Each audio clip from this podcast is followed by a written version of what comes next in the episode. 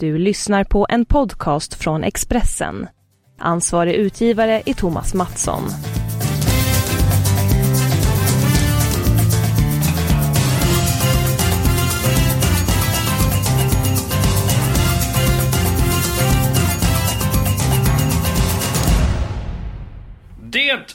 Är uppåt för dagen i podden Avspark. Eh, Sverige inledde Nations League svagt, tappade 2-0 till förlust mot Turkiet, men sen så kom Jan Anderssons manskap tillbaka och vann gruppen. Hur pass imponerad är du än en gång av det svenska landslaget, Magnus? Ja, jag är oerhört imponerad. Det blev egentligen en, en fortsättning på, eh, på VM. Enda undantaget var ju matchen mot Turkiet som du, som du pratade om. Annars har man fortsatt på den inslagna vägen och det tycker jag är mycket starkt och presterat så bra över så lång tid som det nu har varit. Starkt gjort att vinna i Turkiet. Det blev seger hemma över Ryssland. Odiskutabel seger. Förutom att Sverige vann gruppen, kom upp i sidningsgrupp A. Och dessutom ytterligare 30 miljoner in till förbundet. Eh, lite korkad fråga, men hur pass viktigt är det att få in kapital till en förening? Eller ett förbund rättare sagt, det är ingen förening. Ett, ett förbund, alltså 30 miljoner, är en gigantiskt stor summa. Ja, det är det ju. Och eh, det gäller, kan man använda till satsning för, eh, för läger, för förberedelser och givetvis då för utbildning inte minst av, eh, av fler tränare. Så vi kan få fler tränare med högsta utbildning som kan vara med och undervisa i fotboll längre ner i åldrarna. Det är det som är, det är min käpphäst vad det gäller att få fram ännu fler eh, bra spelare. Att få högutbildade tränare långt ner i åldrarna. Vi kan använda pengarna till att utbilda fler tränare ännu bättre. Money talks eh, är inte det viktigaste som finns men det underlättar givetvis att ha kapital bakom sig oavsett vilken bransch man är med inom. Marcus Berg som har kämpat så tappert, eh, gör så mycket rätt, fick äntligen bryta förbannelsen. Hur pass viktigt var det för Bergs självförtroende att få göra mål mot Ryssland? Ja, det är otroligt viktigt för eh, en forward och speciellt då för Marcus Berg som hade spelat 16 matcher utan att eh, göra mål i landslaget. Så det var ju, det var ju otroligt mycket, eh, många matcher. Så otroligt skönt. Eh, jag tycker jag måste, måste nämna det. Dels då så har ju Marcus Berg gjort en jäkla massa nytta för laget. Ändå i försvarsspel och i anfallsspel genom att sträcka motståndarna och, och skapa hål och ytor för övriga. Men, och, så att han har ju varit, tycker varit given ändå och förtjänat sin plats. Skönt då att det lossnar. Och sen måste man liksom lägga till när man ser gårdagens match mot Ryssland så fick vi se ett anfallsspel i den matchen som vi inte har sett tidigare under Jan Anderssons tid. Som var helt enkelt en nivå, en eller ett par nivå över det vi har sett tidigare. Du får utveckla det. Vad var det vi såg igår då? Ja, vi såg ett passningsspel eh, som är i väldigt hög fart och det och det grundlades genom att man hade väldigt fin rörelse man hade mycket platsskiften och man var väldigt skicklig på att eh, luckra upp eh, eh, Ryssland på bägge kanterna. Och eh, man jobbade en hel del med att vända spelet och man kom verkligen liksom till många lägen den vägen. Och eh, med en bra fart och väldigt hög delaktighet av många spelare i anfallsspelet. För det visar sig att ska man ha ett bra anfallsspel så ska man ha många spelare involverade i anfallsspelet. Och eh, det hade verkligen Sverige igår.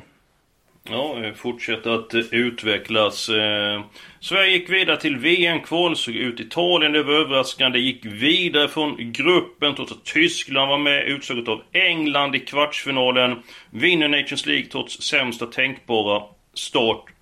Vad kan stoppa Jan Anderssons landslag? Alltså när man, när man tittar tillbaka och summerar upp det året så så ser man ju inte liksom någon, eh, någon begränsning för det hela nu utan det blir ju jättespännande och eh, då se lottningen till EM-kvalet och sen följa EM-kvalet, slutspelet i Nations League. Ja, det är, man eh, verkligen gottar sig när man liksom tänker framåt mot kommande landslagssäsonger också. Ja, det är verkligen hög fotbollstemperatur i Sverige. Mycket roligt. Ehm, Ska jag hoppas även det ska vara hög temperatur på Stryktipset till helgen. Jag tycker det finns ett par intressanta lag att eh, spika. Den högst sannolika vinnaren, tveklöst match nummer 7. West Ham mot Manchester City. City körde över United i derbyt. 3-1 var underkant. Kunde, borde varit mycket mer. Ranieri har tagit över i Fulham. Jag tror att man tänder till. Man spelar mer defensivt före uppehållet. Eh, men det händer ingenting offensivt. En ny röst. Jag tror jag kan få eh, fart på Fulham. Southampton. Det händer inte mycket framåt där heller. Shane Long spelar förmodligen inte. Jag tror på nytändning i Fulham. Spik ettan. Och match nummer tre. Everton mot Cardiff, säker etta även i den matchen. Visserligen så har Cardiff spelat upp sig, vunnit två av de fyra senaste matcherna. Men Everton i Liverpool är en väldigt tuff uppgift. Magnus, är du redo för lite frågor? Ja, det är jag. Har fått en ifrån Jakob Lindgren ifrån Lund. Hej P och tack för en intressant eh, podd. I förra veckans podd pratade ni om omfattande studier visat stort bollinnehav inte var lika med segrar i fotboll. När jag såg Sverige besegra Turkiet förstår jag detta ännu tydligare. Kan jag få be Magnus, kan jag få be Magnus, kan jag få be Magnus utveckla resonemanget lite ytterligare? För att jag tycker detta är hemskt intressant. Eh, jag bollar över frågan direkt till dig Magnus. Ja, detta är ett ämne som jag tycker väldigt mycket om. Så det var roligt Jakob att du skickade en fråga rörande detta. Eh, om man då går tillbaka till den matchen som Jakob relaterar till, nämligen Turkiet-Sverige, så, så är, det en, är det en match där Turkiet har 56% av bollinnehavet och ja, givetvis då Sverige 44%. Sverige vinner matchen med 1-0 med ett klart mindre bollinnehav än Turkiet. Ser vi på målchanser i matchen så har eh, Turkiet två stora målchanser. Sverige har fyra. Eh, trots då ett klart mindre bollinnehav. Och viktigaste eh, i fotboll är att göra mål. För att göra mål så krävs det målchanser. Så ett, eh, ett mycket bättre mätverktyg att eh, ut, utvärdera en fotbollsmatch än en bollinnehav och mycket mer träffande är givetvis då antal målchanser som man skapar. Det viktigaste är inte att hur mycket man har bollen utan det viktigaste är vad man gör av bollen. Eh, ytterligare exempel på det då Eskil. Eh, är ju Frankrike i, eh, mm. i VM som ju blev världsmästare hade ett snittbollinnehav på 46%. Mm. Eh, I finalen mot eh, Kroatien tror jag att man hade 34%. Men man var det laget som eh, eh, ja, man gjorde väldigt, väldigt många mål i VM. Man skapade väldigt många målchanser. Så att man optimerade sina förutsättningar genom att spela en fotboll på det sättet. Och det är egentligen det som det, det handlar om. Går vi tillbaka lite till och tittar på de senaste åren så har vi så vet vi att 2016 vann Leicester City Premier League. Stämmer gott. Genom att man eh, spelade en fotboll där man koncentrerade sig på att eh, vara väldigt bra på att försvara och kontra. Man, man lämnade över initiativet till motståndaren. För att Ranieri som var manager visste att skulle Leicester optimera sina möjligheter så kan man inte försöka spela som Manchester City, nämligen öppna upp plan och slå massor av passningar. För man hade inte spelarmaterial till det. Däremot kunde man slå alla lag och man backade hem, gjorde det trångt och svårt på egen planhalva, jobbade med omställningar. Och vi har ju sett likadant i Atletico Madrid som har haft stora framgångar med den typen, eh, typen av, av, av fotboll för att Atletico Madrid kan inte eh, möta Barcelona på Barcelonas vis, då vinner Barcelona.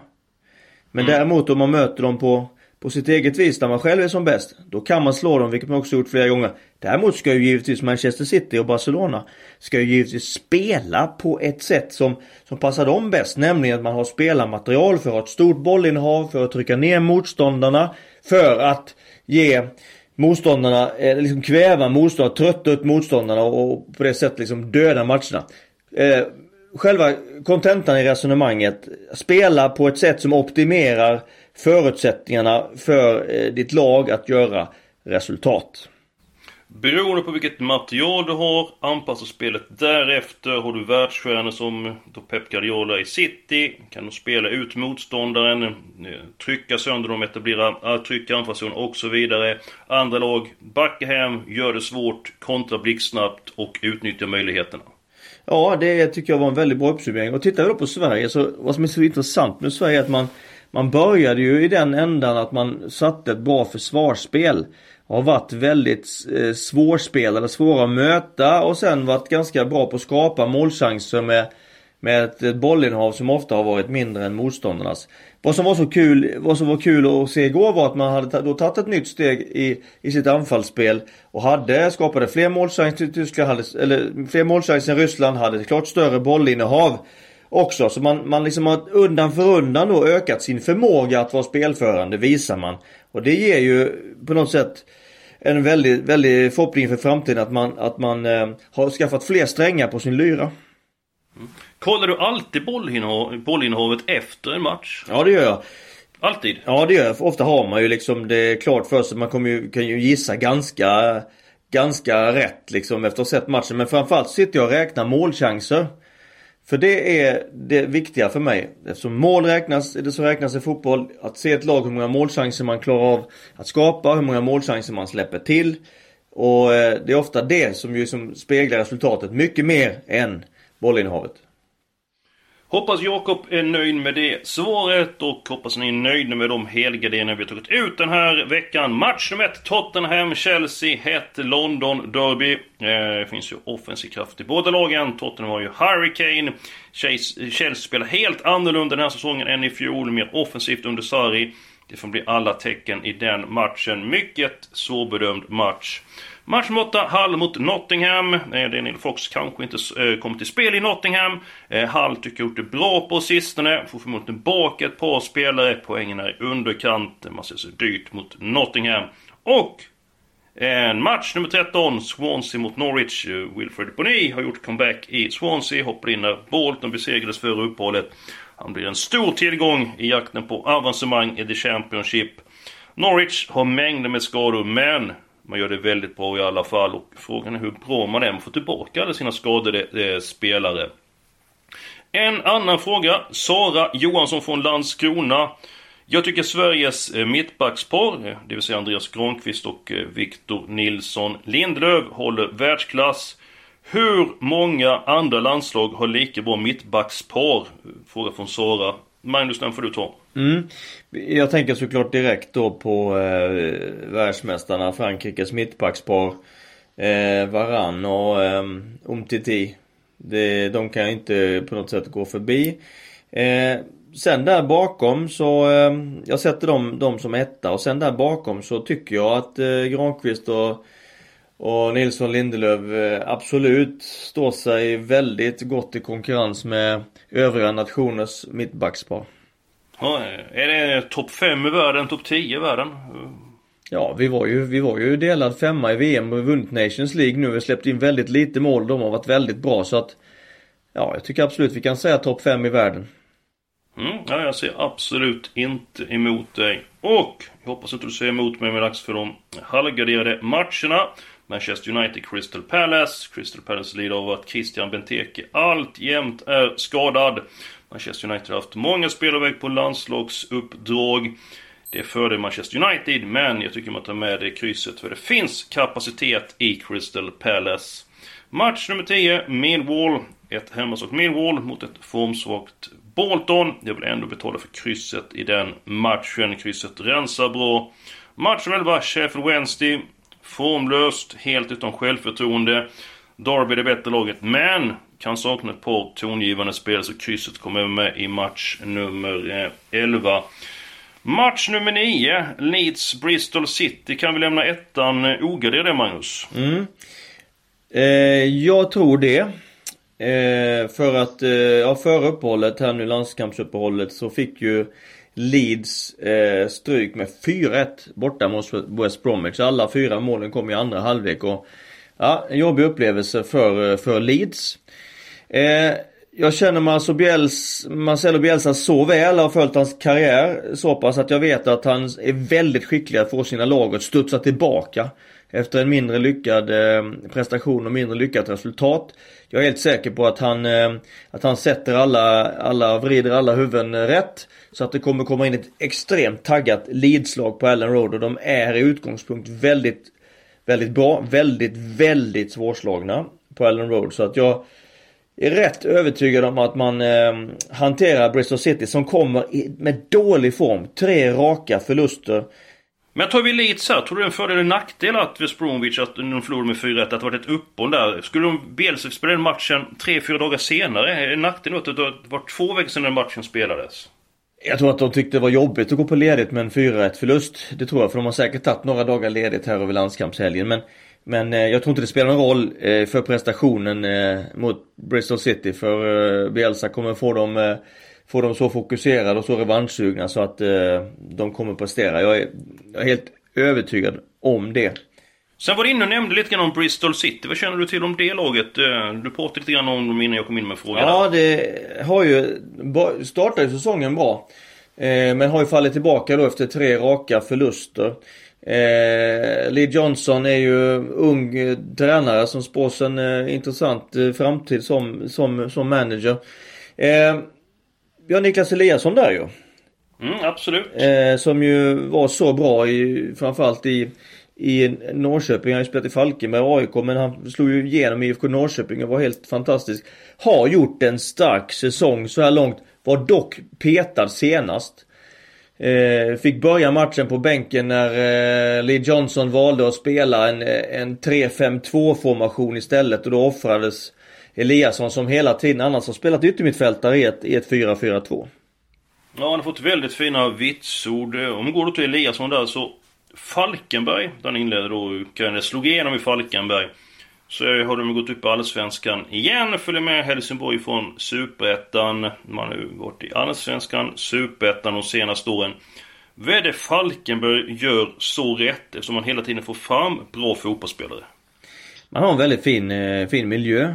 En miljö utan någon eh, några, någon väldiga höga, höga stress och press. Men man jobbar väldigt hårt och väldigt målmedvetet. En förening med eh, hög arbetsmoral, god stämning och man, eh, man jobbar väldigt hårt för varandra som lag på plan. Hans Eklund har visat sig passa extremt bra i den miljön och fått ut väldigt mycket. Så man kan väl säga att Falkenbergs FF lite grann påminner om det svenska landslaget där man har väldigt bra ja, hög arbetsmoral, eh, god trivsel och man får ut väldigt, väldigt mycket av materialet. Ja, de gjorde faktiskt 61 mål i Superettan på 30 matcher, så över två mål per snitt. Jag tycker de spelar en trevlig fotboll. Det går snabbt när jag har kollat på eh, Falkenberg. Ja, Falkenberg är heller inget lag som liksom eh, vinner bollinnehavet i var och varannan match. Utan däremot så är man ju väldigt, väldigt bra i sitt försvarsspel och, och är väldigt vassa när man vinner bollen. Skapar väldigt många målchanser och därför gör man så många mål som 61 mål under säsongen. Nu får du chansa på den matchen, du får gissa på den matchen. Vilket lag kommer ha mest boll av Tottenham eller Chelsea? Det tror jag att... Eh det, var, det var väldigt intressant. Men eh, vi ska givetvis ha ett svar på den och då, eh, då säger jag eh, Chelsea. Mm, jag är inne på att du har rätt där. Du får leverera svaret nästa vecka Magnus. Du får kolla upp eh, procentinnehavet eh, i den matchen beträffande bollinnehavet och leverera ett svar. Ja det var allt för den här veckan. Hoppas ni har haft det trevligt. Eh, vi har fått en del frågor den här veckan. Har ni någon fråga, tveka inte. Mejla in den till eskil.hellberg.expressen.se så sitter vi på att ta upp den kommande vecka. För nästa vecka är vi tillbaka och vi laddar ut i fingerblommorna.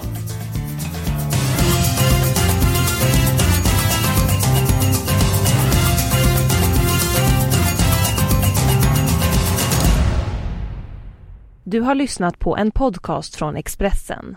Ansvarig utgivare är Thomas Mattsson. Ett poddtips från Podplay. I podden Något Kaiko garanterar östgötarna Brutti och jag, Davva, dig en stor dos skratt. Där följer jag pladask för köttätandet igen. Man är lite som en jävla vampyr. Man har fått lite blodsmak och då måste man ha mer. Udda spaningar, fängslande anekdoter och en och annan arg rant. Jag måste ha mitt kaffe på morgonen för annars är jag ingen trevlig människa. Då är du ingen trevlig människa, punkt. Något Kaiko, hör du på Podplay. Därför är gardinerna.